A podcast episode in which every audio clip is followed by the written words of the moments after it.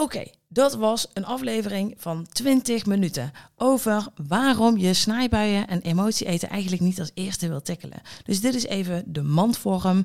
En als je nu denkt, ja, ik wil afvallen, maar hier bespaar ik het meeste calorieën mee, dus ik wil hiermee beginnen. Nee, doe het niet, want dan ga je heel simpelweg je probleem gewoon uit de weg. We hebben eerst aan die basis te bouwen. De basis, hoe vreet je in de basis gezond? Kijk naar je eigen eetpatroon. Wat doe je nu al? Hè? Ontbijt, lunch, avondeten, wellicht tussendoortjes. Wat doe je nu al waarbij je de basis kunt versterken, zodat als jij eetbuien hebt, we in ieder geval kunnen vaststellen dat het kwam niet omdat je honger had. hey, dat is handig.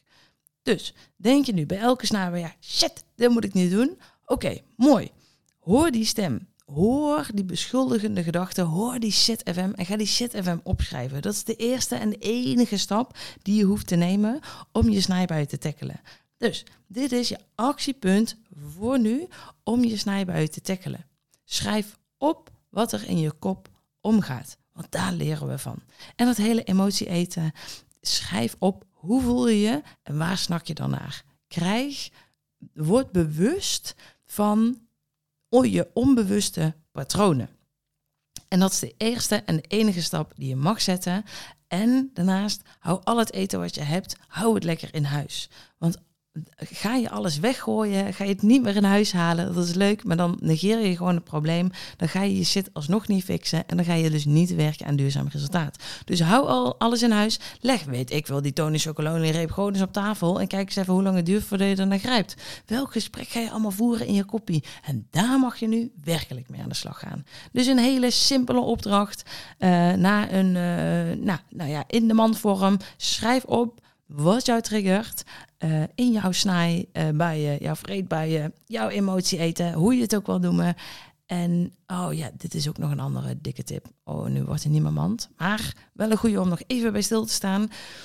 Is wat betekent, ja, wat betekent een snijbui voor jou? Wat is dat voor jou? En wat is emotie eten voor jou?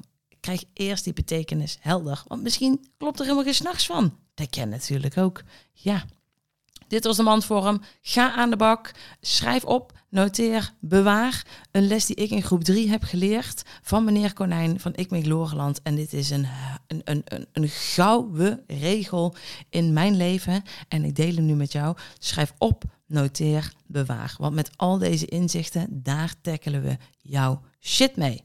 Oké, Heel veel succes en plezier, want afval en eten is een feestje. Dus dit is je eerste stap om meer te gaan genieten. Hey, toi toi toi, succes, houden we.